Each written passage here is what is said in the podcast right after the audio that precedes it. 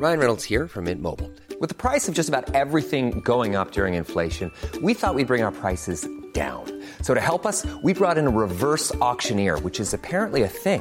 Mint Mobile unlimited premium wireless. Ready to get 30, 30, bit to get 30, bit to get 20, 20, 20, bit to get 20, 20, bit to get 15, 15, 15, 15 just 15 bucks a month. So, Give it a try at mintmobile.com slash switch.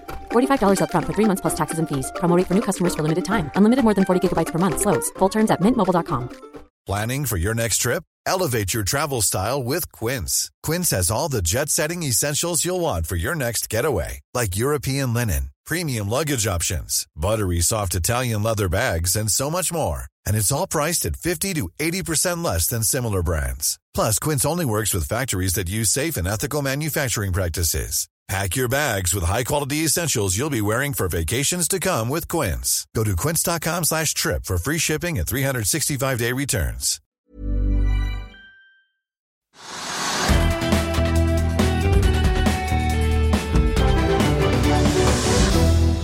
En riktig god ettermiddag alle sammen, og velkommen til Økonominyhetene. Mitt navn er Marius Lorentzen, og vi er glade for å ha deg med på denne tirsdag 26. september, der vi går og venter på at SAS skal gå gjennom påmeldingsskjemaene de har fått i milliardemisjonen. Og alle lurer jo nå på om de får inn de 9,5 milliarder svenske kronene som de har håpet på. Men det skjer mer i luftfarten, for Widerøe melder om at de har mistet viktige kontrakter. Ålesundskonsernet Hexagon Composites har satt i gang en prosess for å se hva de skal gjøre med komposittvirksomheten Ragasco, og Fredriksen-selskapet Northern Drilling stuper 90 på Oslo Børs. I tillegg så fortsetter inhabilitetssirkuset på Stortinget. Utenriksminister Anniken Huitfeldt sier at det nesten er umulig å få oversikt over hvilke saker hun har vært inhabil i, takket være mannens aksjetrading. Stortinget forbereder også da saken mot Erna Solberg i eh, dag, som vi da selvfølgelig skal holde et øye på fremover. I markedet nå så får vi jo bare si at hovedveksten fortsetter ned rundt en kvart prosent da etter en ganske sur dag i går med et fall på over en prosent. Litt mer blandet i Europa i dag etter at vi så Wall Street hentet seg inn i går. Vi ser jo nå at hovedveksten ligger på en 12,80 etter å ha vært over 1300 en periode forrige uke. Nordsjålen ligger ned en drøy halv prosent til 92,75, og Futures of Wall Street peker også litt nedover nå når ukens andre børsdag på Wall Street da er i gang om en 57 minutter. På nyhetsfronten så tenkte jeg vi skulle begynne med rigg før vi går opp i luften. Northern Drilling meldte altså mandag etter børsslutt at de hadde tapt to rettstvister knyttet til riggbestillinger mot den koreanske verftsgruppen Hanwa Ocean. Jon Fredriksen nominerte riggselskapet har krevd 180 millioner dollar, tilsvarende da rundt 1,9 milliarder kroner. Dette ser nå ut til å være tapt, og Northern Drilling-aksjen er foreløpig ned 88% men sikringen har selvfølgelig gått får jeg nesten si, på Oslo Børs med et så stort utfall, så vi får se hvordan eh, handelen der utvikler seg utover dagen. Northern Drilling sier for øvrig at de har tenkt til å anke avgjørelsen. Så er det fly, da. Det er tre punkter det er verdt å merke seg i dag. Det første er at vi nå venter altså på en melding fra SAS eh, som kan komme når som helst, egentlig. Etter at fristen for å melde seg på i emisjonen gikk ut ved midnatt amerikansk tid i går kveld. SAS er jo i chapter 11-restrukturering og vil da hente 9,5 milliarder svenske kroner og konvertere rundt 20 milliarder i gjeld over til aksjer. Om de får inn alle pengene, det vet vi jo ikke. Det eneste vi vet, i hvert fall er at den norske staten og Apollo har indikert at de er med. Men her kan altså ting skje på kort varsel, og vi skal følge med på det utover ettermiddagen og kvelden, og selvfølgelig også i eh, morgen. Samtidig som SAS ser over påmeldingsskjemaene i emisjonen, så melder altså Widerøe i dag at det samme flyselskapet har sagt opp store deler av avtalen med dem om leveransen av bakketjenester. SAS tar nemlig inn konkurrenten Aviator på mange flyplasser. Widerøe overtok jo SAS Grand Handling-selskapet tilbake i 2016 2016. og Når partene nå har fornyet avtalene seg imellom, så dropper SAS halvparten av de tolv flyplassene i samarbeidet. Det betyr ifølge Widerøe at de mister rundt 80% av kontraktsverdien da fra 1.1. Widerøe mister flyplasser som Trondheim, Stavanger, Bodø, Haugesund, Kristiansund og Ålesund, samtidig som SAS da viderefører samarbeidet på Kirkenes, Alta, Svalbard, Evenes, Molde og Lakselv. Nå er det jo sånn at Norwegian ønsker å kjøpe Widerøe hvis Konkurransetilsynet sier ja, og administrerende direktør i Widerøe Grand Handling, Marius Myhre, sier at andre anbud som er ute hos bl.a. Norwegian og andre flyselskaper, delvis kan kompensere for bortfallet hos SAS. Og det vil i hvert fall utvilsomt bli konsekvenser for de ansatte, men omfanget er da foreløpig litt uklart. Vi får også ta med at Widerøe mistet SAS-kontraktene i Bergen, Tromsø og Kristiansand tilbake i 2021. Norwegian-aksjen ned halvannen prosent i dag, SAS litt over 7% i minus. Så får vi også ta med da at SAS eh, klarte å gå i minus i august. Det viser da nye tall som de offentliggjør hver måned, som de da sender inn til den amerikanske domstolen.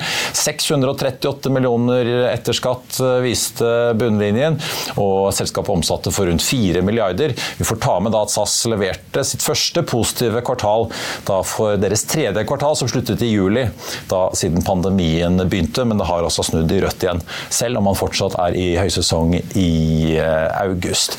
Ellers så avsluttet da SAS for øvrig i august med 6,7 milliarder svenske kroner på bok. September er snart over, og det betyr at regnskapene for tredje kvartal snart kan gjøres opp og presenteres i kvartalsesongen. Men før den tid så kan det være noe annet som kan skje som du må følge med på. Her er investeringsøkonom Mats Johansen i Nordnett minnet oss på da han var på besøk i Børsmorgen litt tidligere i dag. Det er jo typisk nå øh, resultatvarslene som kommer, da. Eh, det er jo klassisk det. Du får visibilitet for 2023, og du kan begynne å kanskje se litt inn i 2024, og så begynner du å se og, og, gjøre opp kontantstrømmene og se om dette blir uh, i forventning til guiding eller ikke. Da. Så, så, det er jo klart, du kan jo skje, og det pleier jo på høsten å skje ganske store ting. Det er jo gjerne derfor september og oktober er jo disse børskorreksjonsmånedene også. Mye av grunnen til det også er jo pga. disse eh, profittadvarslene uh, som da gjerne kommer, og kan skape litt furore i markedet. Altså det, vi går jo inn i en interessant og spennende tid for oss som følger markedet. Ja.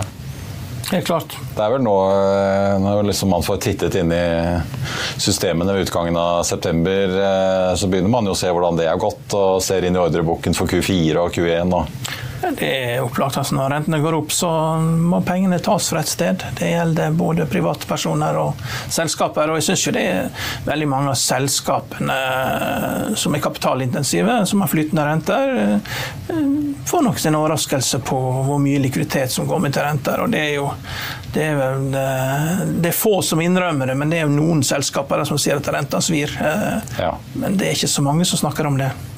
Nei, og plutselig, altså, De utroligste ting skjer. Nå så vi jo SBB i svære eiendomsselskapet lande i hvert fall en foreløpig refinansiering denne uken med hva heter det, Brookfield, er det ikke det fondet heter? Og Da kan jo utviklingen plutselig, da skjøt vel aksjen opp bare 40 eller hva det var på mandag. Ja. Så... ja, altså ikke bare det, men du ser jo det er jo ingen, omtrent ingen børsnoteringer. Det går mye lenger mellom emisjonene, så det er jo klart det er jo utfordrende for, eh, for markedet generelt å kunne skaffe penger. og flere og flere sitter jo nå på, enten på gjerdet, eller så har de plassert penger i rentepapirer. Dere var inne på det litt tidligere i sendingen. Altså, du får jo en 5,5% nå i, i, ganske trygge likviditetsfond, og det er attraktivt det er for mange. Å bare sitte på det når du liksom ikke har den conviction på hvor markedet skal gå. Da. Nei, jeg så Dere har kjørt podkast til og med hvilket rentefond skal du velge, så jeg antar det er litt interesse og mange spørsmål der ute ja, om hvordan det. du da skal reallokere fra aksjer til eh, rentepapirer? da? Ja, jeg gjorde en liten kjapp regneøvelse i går og så på estimatene for uh, neste år på, på SMP 500. Da er vi prisa til P18, som for så vidt er lavt og lavere enn femårig historisk snitt. Og da er vi på en earnings på 5,5, og så har du statsrenter som du var inne på på 4,5, så da har du liksom en meravkastning i aksjer på 1 da, og det begynner å bli ganske lite. Uh, så det er jo klart, det er jo flere og flere som begynner å gjøre den kalkulasjonen der, og begynner å, å veie risiko i forhold til det å være i markedet og ta aksjerisiko, eventuelt eventuelt mot sikre penger, som, som rentepapirer er. Så, så, Det er jo en sånn problemstilling som nå begynner å, å, å gjøre seg virkelig, komme virkelig til syne. Og disse P-tallene er jo før nedgangskonjunkturene slår inn. Det er før resultatvarslene! Ja, sant? Og er de for høye? Det er jo det som er Så kanskje reelt P er 2-23, ikke sant. Altså, du har sett Apple nå som har hatt fallende resultater over en lang tid, som er en stor driver, osv. osv. Hva skjer i forhold til AI og, og, og eventuelle de økonomiske gevinstene det vil gi. Så, så, det er mye usikkerhet der ute, som det alltid er selvfølgelig, men uh, kanskje litt ekstra nå. Stepper du inn. Da skal jeg nevne tre aksjer vi skal uh, bare nevne før vi tar inn dagens gjest. Det er AF-gruppen, Hexagon og Otovo. AF-gruppen opp 1,6 i dag. De melder om at de har fått en kontrakt for å utvide Lagunen kjøpesenter i Bergen. Og så er det Hexagon da, og Otovo begge opp 1,8% Hexagon stiger etter meldingen om at de altså vurderer hva de skal gjøre med Ragasco, som jo er denne divisjonen som bl.a. produserer komposittgasstankene mange av oss bruker på gassgrillen hjemme. De har jo en uh, veldig automatisert fabrikk oppe på Raufoss Hexagons. Og de sier nå at de har store vektambisjoner også utenfor Europa, og at de nå vil sitat, nøye vurdere om vekstpotensialet best kan realiseres innenfor eller utenfor Hexagon Group. Så får vi se hva de lander på der. De har jo tidligere spunnet ut av Hexagon Purus som et eget selskap ut av Hexagon, for de som husker det. Og så er det Otovo, da. To nyheter fra dem fra det tyske markedet. De har både ansatt en ny landsjef, og de lanserer også elbilladere som følge av et nytt støtteprogram fra tyske myndigheter. For de som da både kjøper solpaneler, batterier og elbilladere, da kan man altså få inntil 10 200 euro i kontantstøtte. Og Otovo kaster seg på og skal da også tilby lader i tillegg til batterier og solpaneler. Eh, aksjen til Otovo har jo vært eh, opp 2-3 i dag, falt noe tilbake da, men på linje med Otovo og Hexagon, og begge to da opp rundt 1,8% Nå skal vi snakke sol, for hvor mye er det egentlig igjen i den norske solindustrien nå? Vi kjenner jo da til Otovo, som jo egentlig er et plattformselskap da, som selger installasjoner til folk, men i Norge så har vi også hatt en stor industri som fikk seg en smell for et rundt ti års tid tilbake i tid, da Kina for alvor kom inn med billige paneler. I sommer så gikk jo en av de som satset videre, Norwegian Crystals i Glomfjord i Nordland konkurs. Så hva skjer videre nå? I dag har vi fått besøk av eh, den som kanskje er den eneste som står igjen, hvis vi kan si det. Helge Holen, strategi- og forretningsutviklingsdirektør i Nordsjøen, velkommen. Ja, takk, takk for at jeg får lov å komme. Ja, jeg, vi skal høre hvordan stemningen er i bransjen, men kanskje først for de som ikke kjenner til eh, Nordsjøen og hva dere gjør oppe i Årdal. Fortell om selskapet. Ja. Eh, selskapet ble etablert av Alf Bjørseth, eh, nestoren i bransjen. Seriegründeren i bransjen, ja. I 2005, og bygde fabrikk i Årdal. Og starta produksjonen i 2007, og har siden den gang Eh, på en måte delvis ekspandert litt, men, men eh, jobba veldig iherdig sammen med de mest krevende kundene i, i verden. Eh, og fått opparbeida et fenomenalt renommé i hele, hele, bransjen, og både politisk og blant kunder. Så, så, og det, den delen i verdikjeden som, som, vi er engasjert i, det, altså solverdikjeden altså du, du, begynner egentlig med kvarts og med, silisiummetall, og så til polysilisium, som er en foredling av silisiummetallet. Og så overtar vi og lager eh, blokker av rent silisium, såkalte ingots. Eh, og så skjærer vi de opp i wafers, eh, solskiver om du vil. Ja, For det er de litt sånn farvesprakende ja, panelene man ser, ser på ja. ja. Og, og, i syltynne skiver.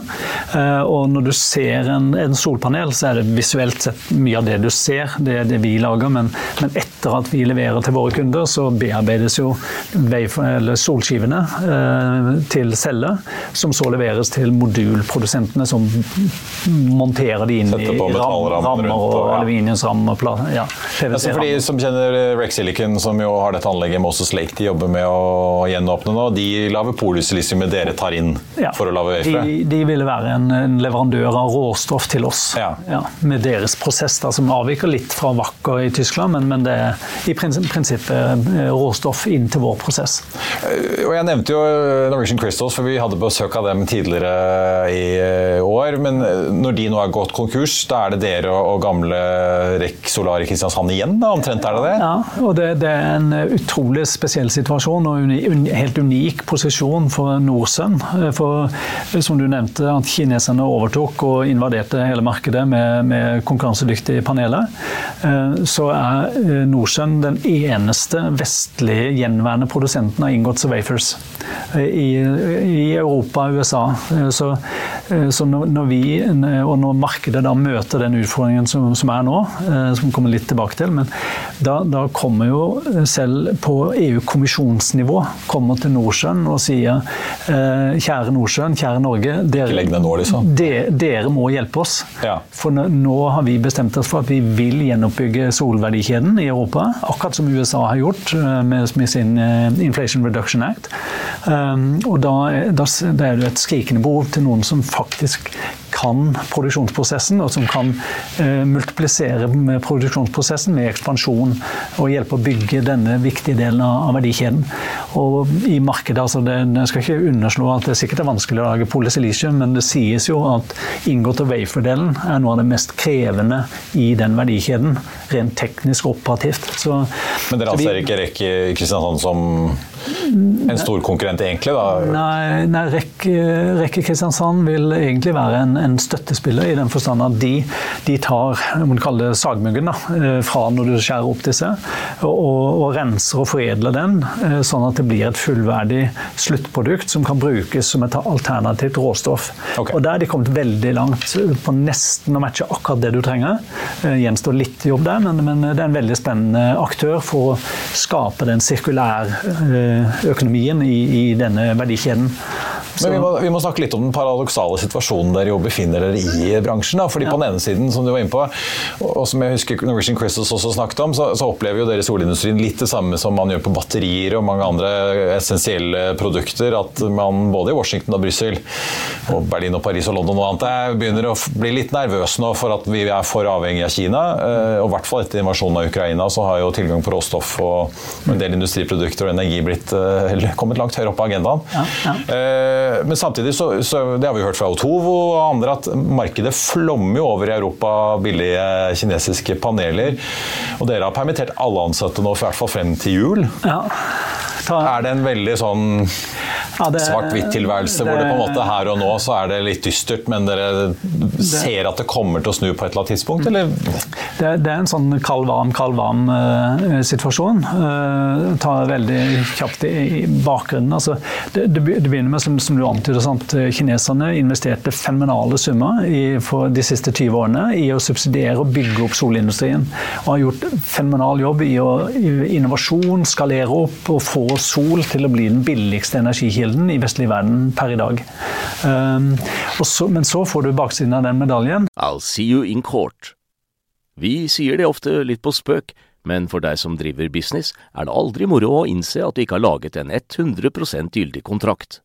Du bør ikke risikere hele firmaet ditt fordi du synes dette med kontrakter er litt stress. En avtale er ikke en avtale. Du kan miste kunder, miste venner, ja, til og med miste inntekter om du ikke lager en skikkelig kontrakt, på alt mulig, egentlig. Men vi vet det er et styr, kopimaskiner, tregprinter og haugevis av papir. Dessuten stoler vi jo på folk her i landet. Det er ofte litt kleint å skulle be om en signatur for alt mulig, ja, for mye av styret handler også om jakten på underskriften. Det finnes en enkel måte å løse dette på, Dukkobit, en trygg, effektiv og get this, gratis måte å sikre seg en god natts søvn pluss en juridisk bindende avtale. Dukkobit-appen har de strengeste sikkerhetskrav i bunn, samt en EU-godkjent og sertifisert teknologi. Framover vil det bli behagelig å spørre du, skal vi skrive under på det, eller? Kom i gang på dukkobit.no hvor de dominerer totalt den verdikjeden, inklusive leverandør til underleverandør til den kjeden. Og de det avstedkommer jo selvfølgelig en, en, reaksjon, en frykt, i, hos Joe Biden og van der Leyen i EU. Uh, og Biden kom med Inflation Reduction Act, sier nå, nå veldig sjenerøst støtteprogram for å gjenoppbygge solindustrien. Europa sier det samme, India sier også det samme. Eh, så de har med sitt program å gå på. Men så, så setter du i gang.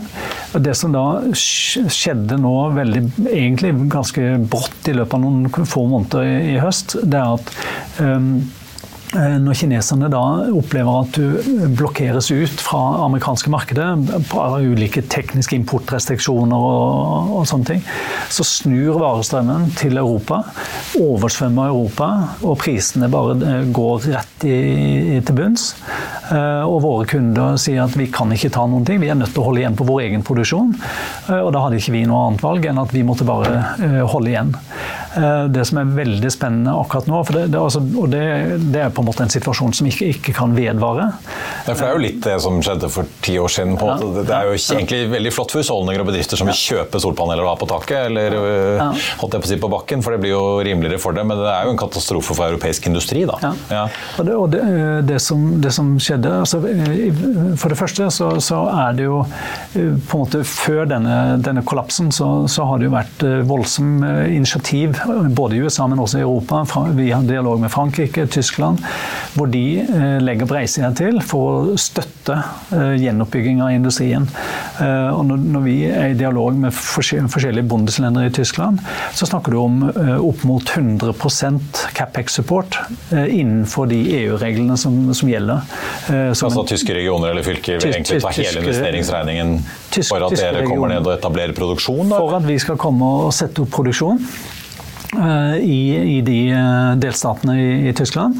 Eh, og produsere og bygge den, vår del av den, den verdikjeden. Så, så, det er jo veldig fint og flott, men, men som, som, flere bransjeaktører sier, at hvis ikke EU gjør noe med grensene når kinesiske materialer kommer inn med, som en flom, så kan du gi meg både én og to og tre fabrikker gratis. Det er ikke liv laga likevel.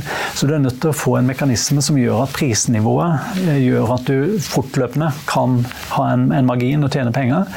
Eh, og det er i ferd med å komme, finne en løsning akkurat i disse dager, hvor EU og tyske myndigheter jobber med, med feed-in tariff, som det, som det, heter, altså som tyskerne har hatt veldig lenge. Ikke et forbud mot kinesiske paneler, men en toll? En, en, ja, en, ikke en toll heller, egentlig. altså En feed-in tariff hvor, hvor, de som, som produserer strømmen med solpanelene, de får et beløp per kilowattime eh, som, som gjør at det blir mer attraktivt å investere. For det forutsetningen er at de panelene de bruker, inneholder i hovedsak eh, europeisk produsert utstyr.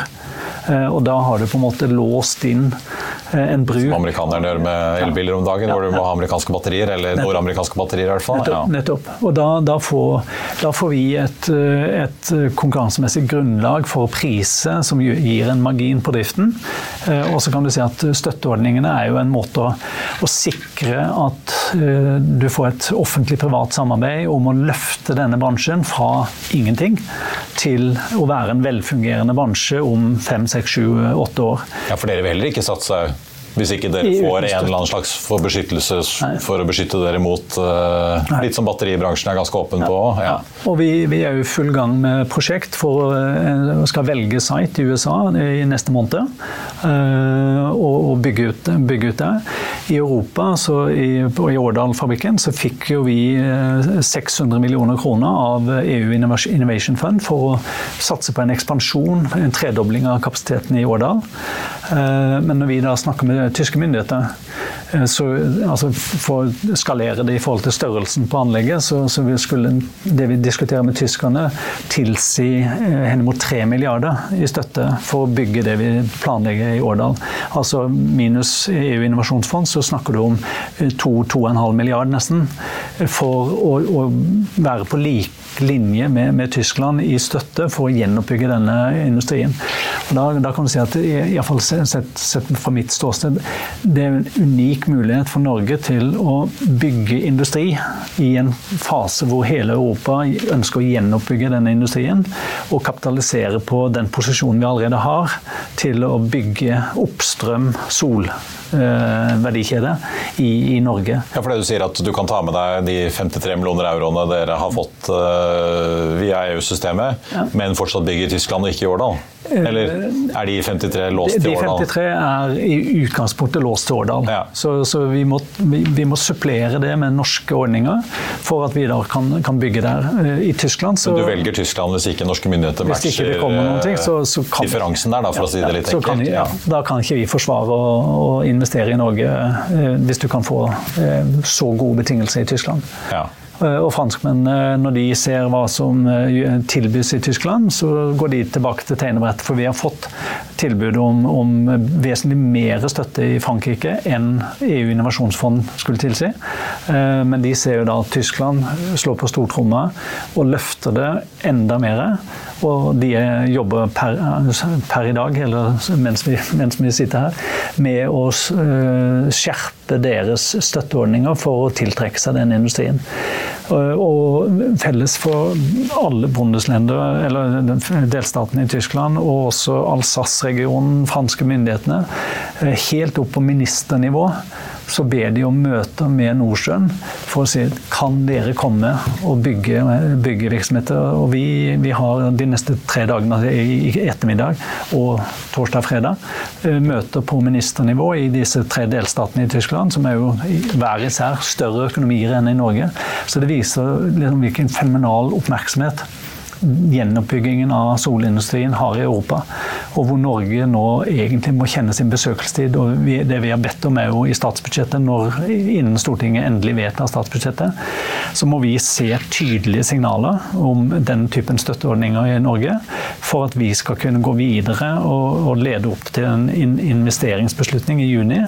Eh, som da eventuelt bygger på EU innovasjonsfond og norske støtteordninger. Men Blir da Årdal lagt ned hvis dere velger velger Tyskland, eller kommer det til å bli videreført? Hvis vi får den eh, tilstrekkelige støtten, så, så, vil vi jo ekspandere også i Årdal. Ja, Det skjønner jeg, men hvis, men, hvis dere ikke får det og får penger i Tyskland, legger du da ned i Årdal, eller? Da, da tikker det et rødt eh, blinkende lys for, for Årdal hvis ikke vi får den støtten. For du, du, kan ikke videreføre den hvis det ikke er en, en, en, en, det skala. Volume, ja, blir, du, du, må ha en skala for at du skal forsvare langsiktig drift.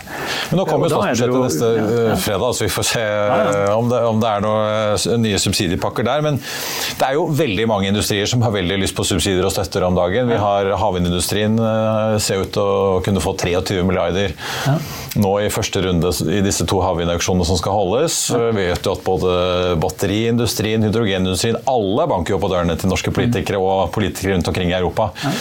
Hva sier dere til norske politikere når dere skal eh, åpenbart da prøve å selge dere inn i en verden hvor politikerne jo tross alt uh, må prioritere mer og mer òg? Vi ser jo nå kuttes jo ned på standarder på hvordan man skal bygge veier her i landet fremover. så Det er jo ikke sånn at det, det flommer over av penger selv om oljefondet stadig fylles på. da.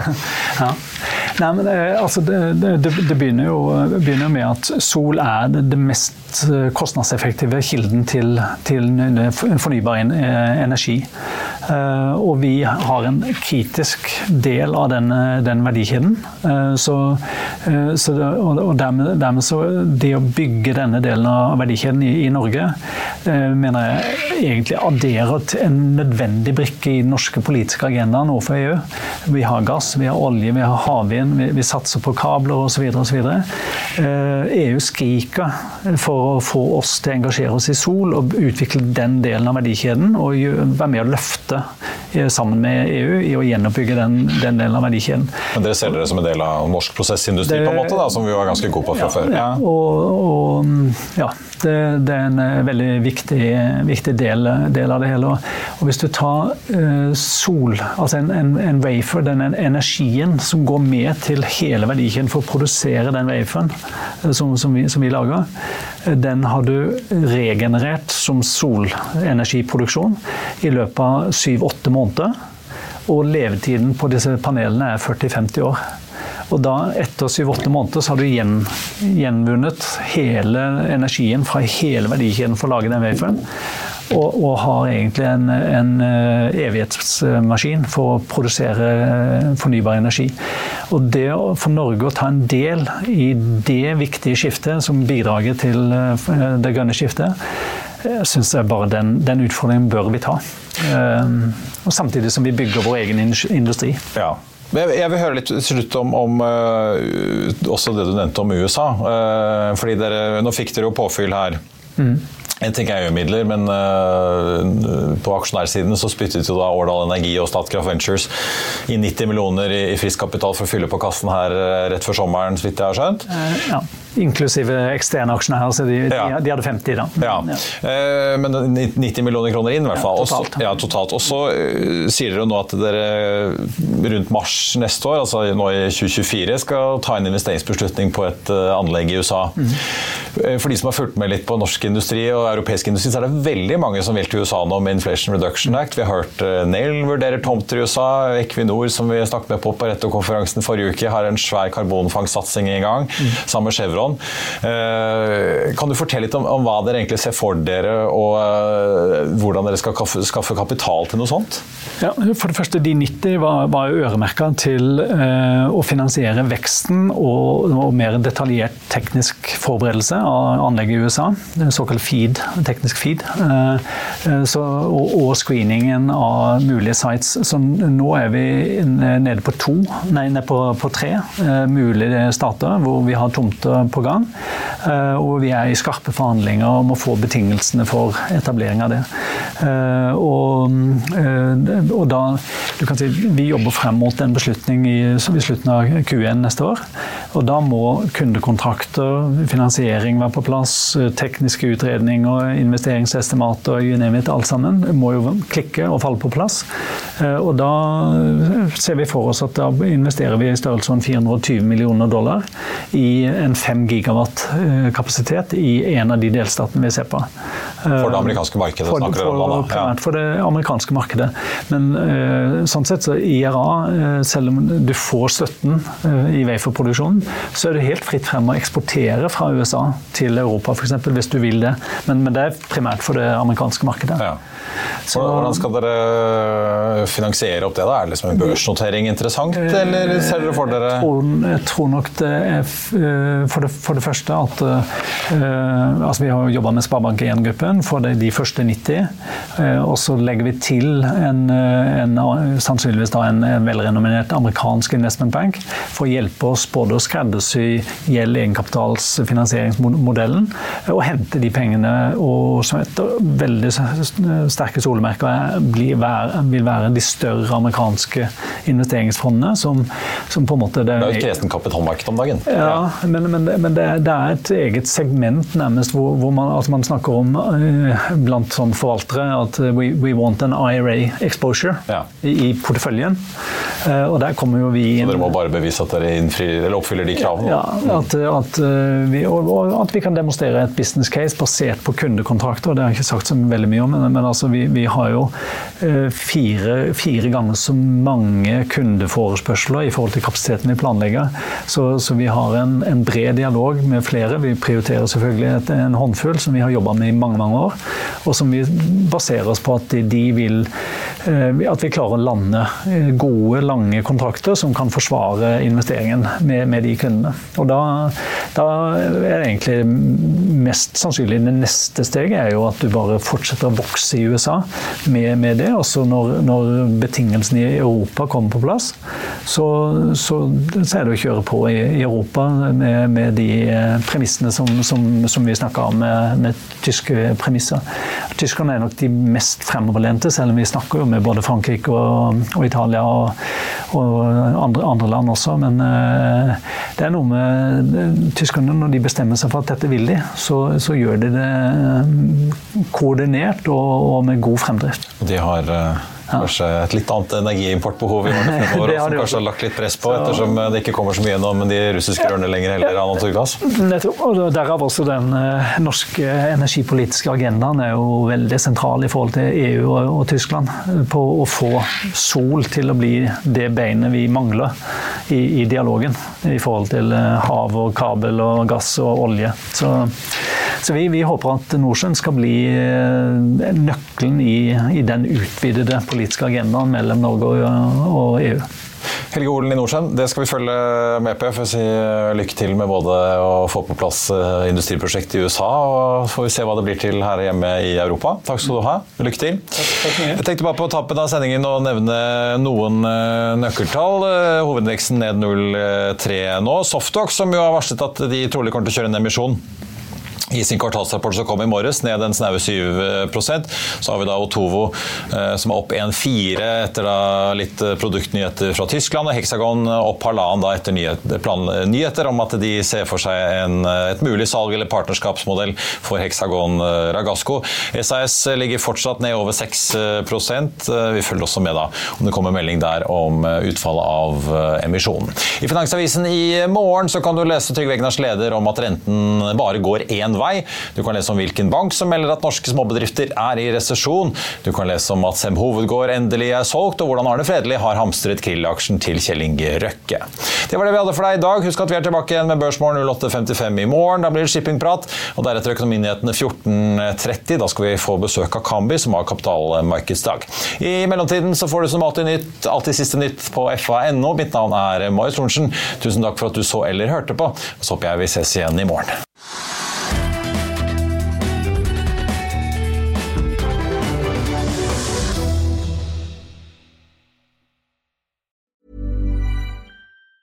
Planning for your next trip? Elevate your travel style with Quince. Quince has all the jet setting essentials you'll want for your next getaway, like European linen, premium luggage options, buttery soft Italian leather bags, and so much more. And it's all priced at 50 to 80% less than similar brands. Plus, Quince only works with factories that use safe and ethical manufacturing practices. Pack your bags with high-quality essentials you'll be wearing for vacations to come with Quince. Go to quince.com slash trip for free shipping and 365-day returns.